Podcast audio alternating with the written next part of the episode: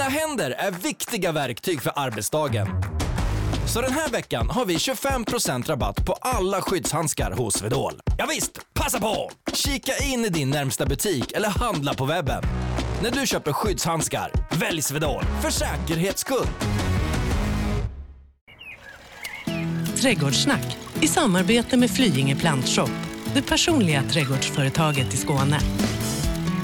Då är vi tillbaka i brottsplatsen. Hasse Strandberg, Annika Sjölin och Trädgårdssnack eh, som petar ner sig i just din trädgård. Vi har varit förra veckan i lite sydligare breddgrader. Medelhavet och jag faktiskt också norra delarna av Afrika. Den här veckan vet jag att eh, det här är en av dina favoritställen på jorden. Ställen där det finns bambu.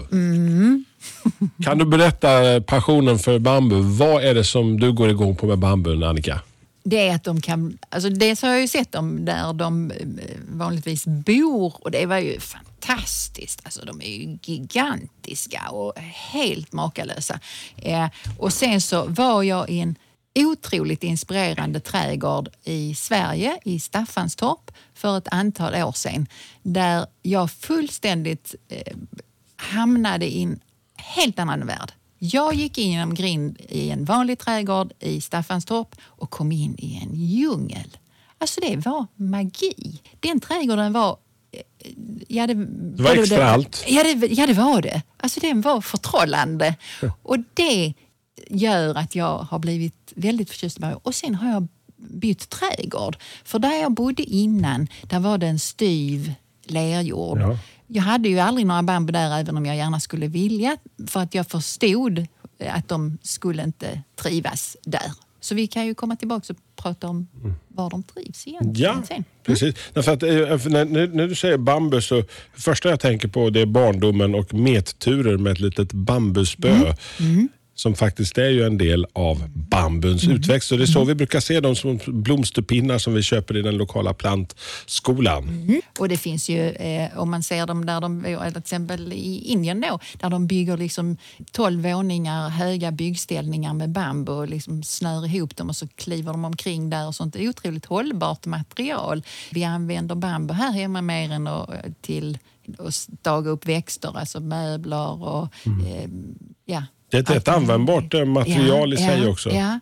Jag har eh, införskaffat några såna jättetjocka bamburör som man då kan köpa som jag ska använda på något vis i min trädgård för att plussa på det här med bambukänslan eller exotiskt eh, land i en del av min trädgård. Om vi, om vi flyttar oss eh, utanför rikets gränser och eh, där vi kommer att plantera våran bambu sedermera i, i vår lilla trädgård. Om vi flyttar oss utrikes, var någonstans är det man hittar bambu i de här stora kolossformaten? I Indien säger du, det- är det Asien framförallt? Ja, för mig känns ja det det är som. där jag har sett dem eh, Ja. eh, mestadels. Och det, då är de ju jättestora. Alltså det är, och de växer ju liksom hur mycket som helst, hur snabbt som helst. Och det kan de ju alltså inte uppnå här hemma. Så det är en stor skillnad om man nu skulle läsa in sig på någon bambusort eller så. Och så, så står det någonstans att den kan bli 15 meter hög. Svart bambu, den blir nu mellan 15 och 17 meter. Det blir den ju inte här utan det blir den där den normalt sett bor. Och Det kan bli lite dålig stämning om man plötsligt har fått eh, lyckas med det här på gatan och så är det någon som plötsligt ser en 15 meter pinge som sticker rakt upp i grannens trädgård. ja, det kan inte bli dålig stämning av det tror jag. Nej, nej, bambu är ju världens bästa. Det är som peacemaker på något vis. Vad är det som krävs för att kunna odla bambu överhuvudtaget här i våra sydliga breddgrader av Sverige? M- Många av de bambusorterna vi har ute på plantshoppen är ju härdiga här nere. Men de är ju inte härdiga uppe i Gällivare. Men man kanske kan ha vissa av dem där i alla fall. Men hur som haver, nu säger vi att de är härdiga här och sen så är de eh, lite petiga med jorden. Och jag sa precis att eh, där jag bodde innan så satte jag aldrig några bambu för jag tyckte inte det var lönt för jorden var för kompakt. Alltså de vill ju ha en vad ska man säga, en humus, mullig eh, lucker jord som är Fuktig. fuktighetshållande men väldränerad. Så att det ska ju liksom inte stå vatten, vatten alltså om en bambu blir stående i något vattenhål så, så trivs den ju inte med det. Och sen ljuset då, de allra, allra flesta bambusorterna gillar ju att bo i halvskugga. Sådär. Men jag envisas ju med att prova ganska många i brinnande sol också. Eh, och det lite, då väljer jag vilka sorter jag vill ha i solen eller vilka sorter som inte jag vill ha men som skulle kunna vara i solen. Finns eh, det, svår, bättre. finns det svårare och lättare sorter alltså när det gäller att välja en bambusort som är lättare att ta hand om? Än, eh, än som är, finns någon skillnad där? De Ja. sorterna som finns i... Det där med lättskött det har vi varit inne på många Ja, gånger förut. jag vet. Ja, och då så har jag ju alltid ett långt svar på vad, vad det är som är lättskött. För det beror ju väldigt mycket på vilken skötsel du kan tänka dig och hur du tycker är någonting som är lättskött är. Men tillbaka till, till det här med, med var de vill bo. Där är en sak till som påverkar dem och det är vinden. De blir inte så granna om man sätter dem som ett vindskydd i ett väldigt blåsigt läge. Då blir de fula på vintern. Så det hade jag inte, inte gjort. Men sen när du väljer då det här med lättare och svårare. Om det finns några sorter som jag tänker som, som, Ja. som man kan ha, ha lättare att lyckas med. Liksom. Ja, det beror på vad man är ute efter. Eh, hur man väljer eh, beror... Alltså, då är det varför vill du ha den? För om du väljer rätt planta till det du vill ha, eh, du vill till exempel ha den i en kruka, Mm.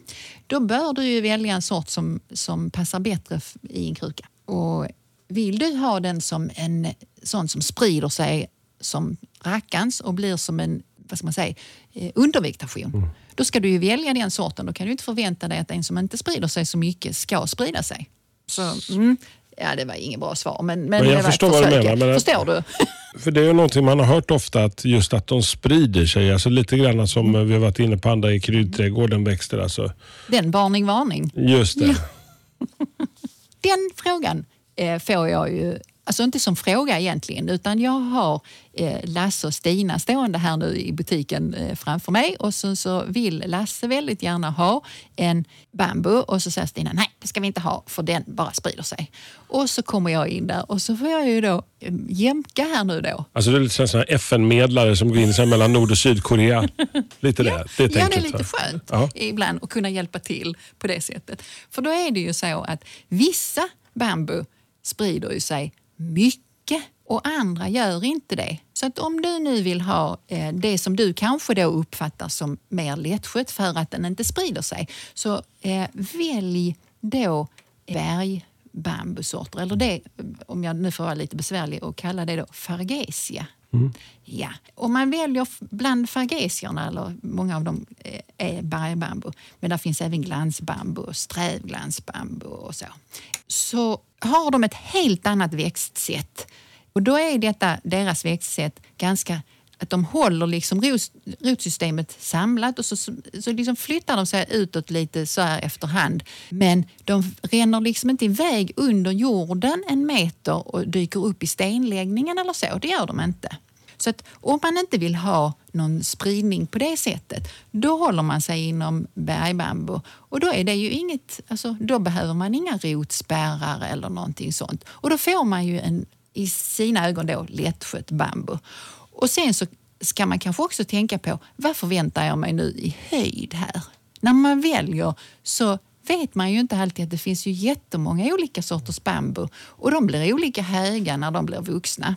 Så att om du nu har en kruka så vid på din balkong och sen så tänker du att Åh, den får inte bli för stor för då får jag inte plats på balkongen. Då kanske man ska välja en sort av bergbambu då som heter bimbo. Det är rätt lätt att komma ihåg den heter bimbo. Den är liten.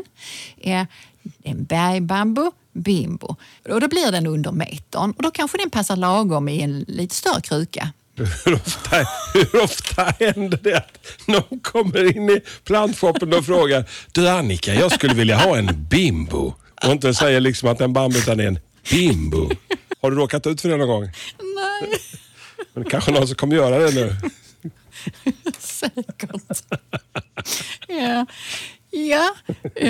och om man nu vill eh, ha någonting som är större än, än bimbo. Nu kommer vi till jumbo. Ja, det är den här elefanten med stora öron. Jo, alltså då finns det en bergbambu, fagesia då, eh, som heter jumbo som sort. Och den blir ju då, ja kanske både två, tre och fyra meter hög. Eh, Alltså i våra breddgrader. Ja. Och där är det ju då i våra breddgrader. För det beror på var den hamnar. Mm. Hamnar den nu i ett taskigt läge, du är taskig när du placerar din bambu eh, och så Det är inte förväntar du särskilt dig... fuktigt och det Nej. Mm. är allmänt trist. Kompakt jord och ja, sådär. Ja, då blir den inga fyra meter. Den Ska kanske vara glad om den blir en, en, en meter. Man ska kanske vara glad om den Då får, man kalla, överlever. då får man kalla in Bimbo.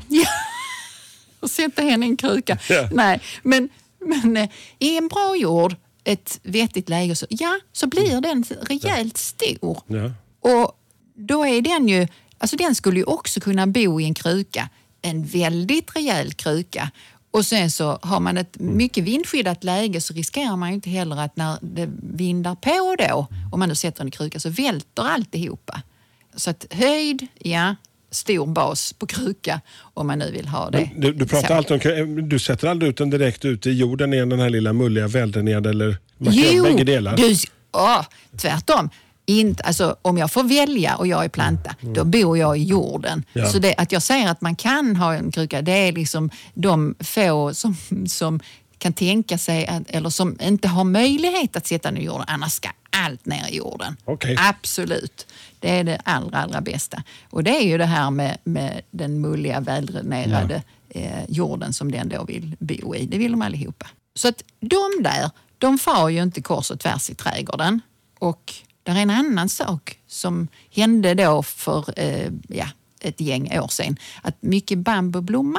Det var de här bambu. Och då finns det ytterligare en skröna förutom att alla bambu sprider sig. Och det är att alla bambu blommar och dör. Det är inte heller sant. Man vet inte riktigt när bambu av den här sorten kommer att blomma nästa gång. Så det är ingenting man behöver liksom gå och oroa sig för.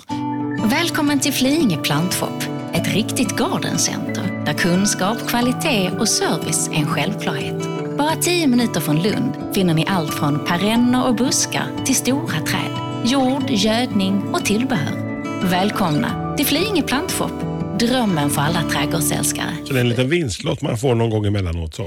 Ja, om hundra år så kanske din bambu blommar, alltså blommar den om 23 år eller så blommar den inte Överhuvudtaget. Eh, nej, inte i min levnad och kanske inte i din heller. Jag ska inte leva i hundra år, men, men det är i alla fall inte så eh, att de liksom konsekvent dör när de har blommat.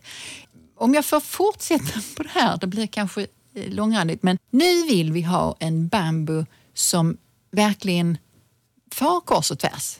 Som Eh, får dominera en del av trädgården. Ja, alltså de som är eh, fantastiskt vackra att plocka bort grenar på nerifrån. Nu har vi liksom ett bamburör som kommer upp här då och så kommer det ju grenar ut åt sidorna och så kan man plocka upp dem. Då är det så att många av den eh, gru- gruppen som då inte heter fragesia utan heter Filostacus var det ja. det Check på var den. lite. Ja, på svenska har vi några här då.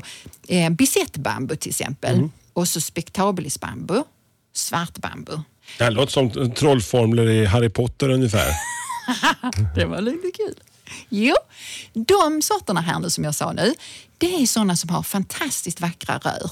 Och en bambu består ju av de här rören då. Det är ju det som vi har som käppar nu i trädgården sen när, när någon har skördat dem i någon annan land och skickat hit. Ett sånt rör, det växer upp från liksom noll, det är under marken, och så växer det upp sin fulla höjd på en säsong. Mm. Det röret som nu har vuxit upp där, Ja. om ungefär någonstans kring 15 år så är det röret dött. Men det har hela tiden kommit nya rör som har vuxit upp i sin fulla höjd. Så att höjden ökar på din bambu varje år tills den är uppe i så kallat sluthöjd. Då. Alltså en bimbo blir inte mer än en meter även om, även om den lever i hundra år. och, och, och de här rören då, alltså det- är lite nördigt, men de är fantastiskt vackra på de här Philostaccusen. Är det så? Ja, svartbambu. Alldeles, alldeles svarta rör. När man har fått fart i en sån planta efter något år och det har kommit ganska många rör och man börjar plocka bort de här sidogrenarna så får man ju en liksom, silhuett då utav svarta rör och så kan man ha bladverket för då måste man ju ha kvar en del för att den ska kunna liksom skaffa sig mat kvar här uppe då. Men då ser man de här fantastiska rören. Och spektabilisbambun den har då gula rör med en, en grön rand Så man i. blandar dem lite grann så kan det se ut som AIKs klack ute i trädgården. Ja, det vet jag ingenting, ingenting om. Och jag hade ju inte blandat dem utan jag hade gärna tittat på en, Ja. alltså en grupp i taget. Men det är en smaksak, så det, det kan man ju göra. Och bisettbambun är då olivgrön. Och det var det som var fullständigt förtrollad i, i den där trädgården som jag pratade I om. i Staffanstorp, När man kommer in och möts av en fullständig ridå av fantastiskt vackra såna här rör och så en grönska ungefär 3,5-4 meter upp i luften. Gissa om man var förtrollad. Alltså det var så fräckt. Så att den här typen av bambu då, då förflyttar ju den sig från där, den, där du har satt den och sen så går den under marken och så kommer det upp liksom ett rör kanske 20 centimeter, 40 centimeter eller en halv meter ifrån huvudplantan. Det är lite grann som med min murgröna där hemma. Att den bara sprider. Ja. Plötsligt dyker den upp lite här och där. Ja, den, den sprider sig så. Och det kan ju vara en fördel om man vill ha det på det sättet, vilket jag då vill ha i vissa delar av min trädgård. Men inte i alla. Då kan man begränsa alltså dens möjligheter att komma ut i den delen av trädgården där du inte vill ha den genom att gräva ner rotspärrar. Rotspärrar. Ja, Nu pratar vi om ett ord som är helt främmande för mig. Alltså något material eh, som kan vara någon eh, tjockare plastmaterial eller så som man får då, alltså det kan vara metall och sånt också. Men man behöver komma ner lite beroende på vad man har för jord. Alltså en lättare jord behöver du gå djupare än en lite tyngre jord. Så att, men du behöver ner någonstans där mellan 60 och en meter för att hindra dem från att ta sig ut där man inte vill ha dem. Och jag ser ju inte helt sällan när jag är ute på mina konsultuppdrag hos familjer eh, bambusort som då sticker iväg och de har inte räknat med det, att den skulle komma upp i trädäcket eller i någon annanstans. Och de har då inte satt några rotspärrar. Det kan behövas. Men det är, inte- det är inte så svårt. Alltså, om man nu skulle vilja hindra vissa av dem från att sprida sig på det sättet så är de ganska lätta att liksom dra upp Mm. när du väl ser dem. Då kan du liksom följa dem för de går ganska ytligt de flesta av dem. Så att det är lättlukat på något vis. Ja, vissa av dem, inte alla. Där är några så. Ska vi ta en sån värstingvarning? Ja, Mm. gör det. Det finns något som heter sassa som är en, en bambusort. Fantastiskt frodig, jätteläcker. Jag har satt den i min trädgård och den sprider sig kopiöst på den yta jag då inte har rotspärrat in den i eh, och blir ja, sådär runt en och en halv meter än så länge och så alldeles frodigt grön och väldigt tät. Men den kan jag inte rekommendera någon att sätta om det inte är så att man vet vad man gör, kan man säga. Men eh, om man nu eh, har tänkt sig nu att man ska sätta en liten bambu ute i trädgården. Vi Mm. leker med lilla villaträdgården. Tycker du den att den ska hellre vara just där att det är ett rejält sjok med bambu i en liten del av trädgården? Eller är det bara en liten, en som, som inte sprider sig om du förstår vad jag menar? Mm. På något litet ställe där? Eller hur, hur tänker du där? som Jag tycker det är väldigt roligt att, att det finns mer av vissa saker som gör att man förflyttas i tanken. Eh, så att när jag tittar på en trädgård vill jag inte se allting samtidigt. Så att, eh, om jag skulle använda mig av bambu så kan man ha olika anledningar till det. Men det de ger möjlighet för det är att skapa ridåer. Om man nu tänker sig att man... små rum liksom, som Ja, väggar? ja, det är de bra. Alltså inte, inte de här fyllestackusen kanske, om man inte sätter rotspärrar. Men bergbambun då är ju jättebra på det. För att om du nu skulle vilja upp någonstans kring eh, en och en halv, två meter, då finns det, alltså nu pratar vi om bimbo och jumbo innan, men då finns det sorter som heter simba till exempel, eller smaragd, som eh, är i det häradet. Och de är ju fantastiska att använda som ridåer. Runt en liten uteplats kanske? Sådär. Ja, ja, varför inte? Alltså du får ju en, en grönska hela året. De är inte lika pigga kanske på vintern och kan se lite risiga ut och ve och fasa om de står i vindpinat. Då blir de jättefula. Men nu gör de inte det. Och då är de ju vackra på vintern också. Så att, eh, och i, om man åker över till Danmark så är det inte helt sällan att man ser bambu som klippt häck. Är det så? Ja, alltså det går. Va, va, alltså varför inte? Men det du behöver göra med den här bambuhäcken och med all bambu, det är ju att dyka in i din jumbo då med ett år eller vartannat års mellanrum när den har fått lite ålder och ta bort de här rören som jag pratade om innan Ja. som då har dött. Så att du behöver liksom gläsa ur den här plantan. Det, annars blir det som en ful risbuske på lång sikt då. Men akta dig för bimbon. Den ska grenas ur den också. Ja. ja ska den. Vill också ha lite ompyssling. Det har jag också hört sä- sägas.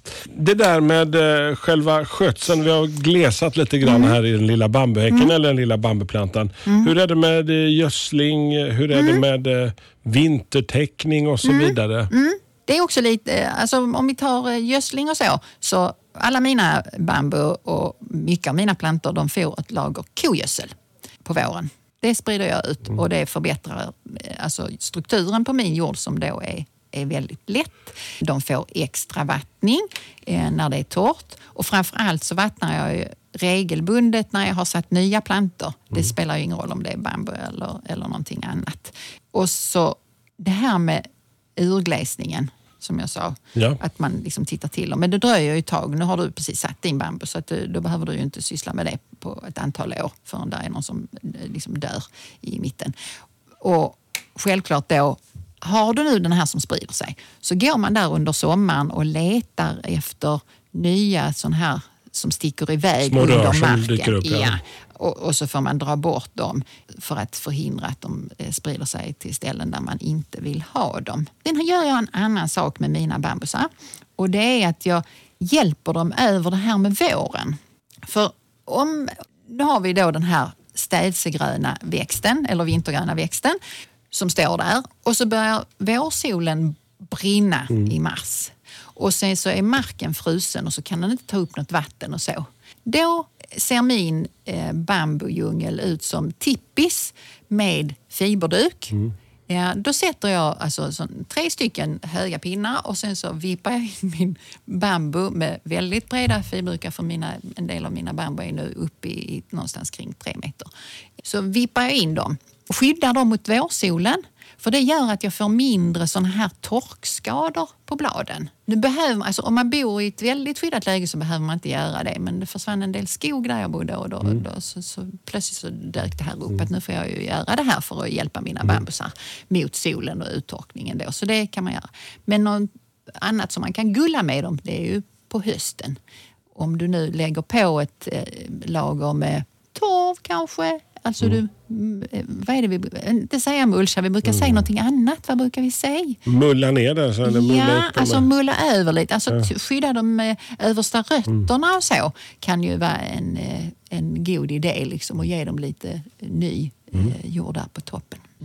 Eh, Där har vi ett, ändå ett förhållandevis lättskött gräs, höll jag på att säga, men ett, för det är väl en gräs Ja, egentligen? det är det. Det, är det. Och an, andra gräs som du, du har varit inne på, finns det andra som funkar fint där med, eh, med bambun? Alltså vi tittar på grässorter som ger den här lite asiatiska, lite djungelliknande. Mm. Så, Om du kom, tänker kombinationen där Annika? Jag skulle hellre försöka att eh, bygga på kontraster som jag brukar göra. Om man tänker sig att man har bambu så är det ganska gracilt, det rör sig ganska mycket och, och så. Då hade jag hellre kombinerat det med stora blad. Tjo, alltså så, pff, något bastantare. Och så bygger man på kontraster. Om jag använder gräs, alltså släkting då, så till exempel så finns det något som heter glansmiscanthus som är fantastiskt användbart och som då får det här eh, rörliga, gracila och så. Men de använder jag sällan tillsammans med bambu. För att de, i mina ögon så tar de ut varandra på något sätt. Växt, alltså hur de ser ut. Utan bygg på kontraster. Så tillsammans med till exempel bergbambu då, så skulle jag ju gärna se att där det blir lite skuggigare så skulle jag använda en stor hu- f- funkia hosta. Det vet du vad det Ja, är? just det. Ja. finns det en sort som heter Big Daddy till exempel. Lika stor som Bimbo är liten. Precis. Och de trivs väldigt bra tillsammans. ja, Eh, och jag skulle kanske använda Bergenia som också har stora, lite köttiga blad och så. Så jag bygger liksom vidare lite på det här djungeltänket. Frodigt, stort, prr, så. Och så sticker bambun Mycket i muskler då. liksom i det. Ja, och, och alltså det finns ju hur mycket som helst som man skulle kunna göra. Gräsen då som de här glansmiskantusarna, de vill ju jättegärna ha den här brinnande solen som inte alla bambusarna då tycker om. Så de använder jag då hellre där. Men gräs är ju, är ju eh, alltså, he, helt annorlunda på sätt och vis. För när du har bambun kvar som en grön eh, grej i trädgården eh, så klipper du ju ner dina gräs. Så att om du nu har byggt en ridå som du vill ha den, så är det kanske, om man har möjlighet, smartare att bygga den ridån av någonting som är där hela tiden än att bygga den ridån av någonting som man då klipper ner varje vår. Så har man ingenting där förrän i augusti igen. Livslängden på en, eh, en bambu eh, oändlig om man sköter den väl, eller? Jag vet faktiskt inte. Absolut ingen aning. Men jag gissar, alltså om man nu pratade om att de här bambusarna blommade efter hundra år och dog. Eh, för det var ju en väldigt stor blomning och det var ju för alltså, alla plantorna stammade i princip från, ja, mm. som en klon. Mm. Pang! När det är frösådder så, så blir det ju individer. Men, men då, alltså, jag tror att om, om eh, en ungdom i 25-årsåldern mm. planterar en mm. bergbambu idag så har de förmodligen, om de bor kvar på samma ställe, en bergbambu även när de går i pension. Och det är samma bergbambu. Fint. Så tänker jag. Veckans fråga i Trädgårdssnack. Veckans fråga det handlar faktiskt om det vi pysslade med förra veckan. Vi var lite grann i Medelhavet och rörde oss i sydliga breddgrader. Det är Karin i Stångby som eh, skriver och frågar om eh, fjärilslavendel. Ja. Vad det är för någonting. Ja. Har läst om det i en trädgårdstidning. Mm. Fjärilslavendel tillhör ju de här lite medelhavsväxterna så de dyker ju upp eh, i, i ungefär alltså, vid samma tidpunkt. Mm. De är ju inte härdiga men de doftar ju fantastiskt och de har större och lite mm, vad ska man säga, färgmässigt smaskigare blommor. Då. Mm. Eh, och det är många som gillar det och så tar man den utan att veta att den här plantan övervintrar inte inte hos oss. Men om, du, om Karin nu ska använda den som orangeriväxt, mm. typ, alltså ta in den i det här mm. vinterbonade växthuset eller så, så, det så går det ju bra. Man får klippa ner den och så, men man kan nog få den till att överleva. Kan man få överleva den här som vi pratade om förra veckan också, att vi tar in den i lilla uterummet eller där du, mm. där du har lite mm. lagom med ljus och lagom mm. med värme? Ja, det hade jag ju chansat på. Jag är inte hundraprocentigt säker på att det är så enkelt men, men man kan absolut försöka med den men man ska inte, om man nu vill det, lämna den i alla fall inte ute för den är inte härdig. Vill man ha en härdig lavendel då tittar man på till exempel eh, alltså, lavendel hidcot finns det en sort som heter. I vår plantshop så står de liksom på ett helt annat ställe och då finns det flera olika sorter som normalt sett kan bo här utan problem även på vintern. Hoppas att du fick eh, svar där Karin och är det så att du har någon fråga som lyssnar på någon av våra poddar om det vi har pratat om eller det du har eh, problem med eller någonting du funderar kring din trädgård så gå in på vår Facebook-sida Trädgårdssnack och eh, ställ din fråga så ska vi svara den efter bästa förmåga. Nästa vecka, så här veckan efter midsommar, vad ska vi ta hand om då i trädgården? Det blir väldigt sinnligt. Åh, oh, det är en liten rehab garden nu. Nej, ingen rehab. Men en sinnlig trädgård? Ja, absolut. Mm, okay. ja, det kan vara är Bimbo med nästa vecka också? Eh, Bimbo får, ja, hon skulle kunna vara med. Okej, okay, det låter spännande. Ja. Låt oss se. Trädgårdssnack i samarbete med Flyinge Plantshop. Det personliga trädgårdsföretaget i Skåne. Veckans powerdeal hos Vedol. Jalas! Rätt sko för rätt jobb. Alla fötter är olika och alla jobb kräver olika skydd. Jalas har skyddsskorna för dig och ditt jobb. Så den här veckan, välj skyddsskor från Jalas hos Swedol. För säkerhets skull! För säkerhets skull.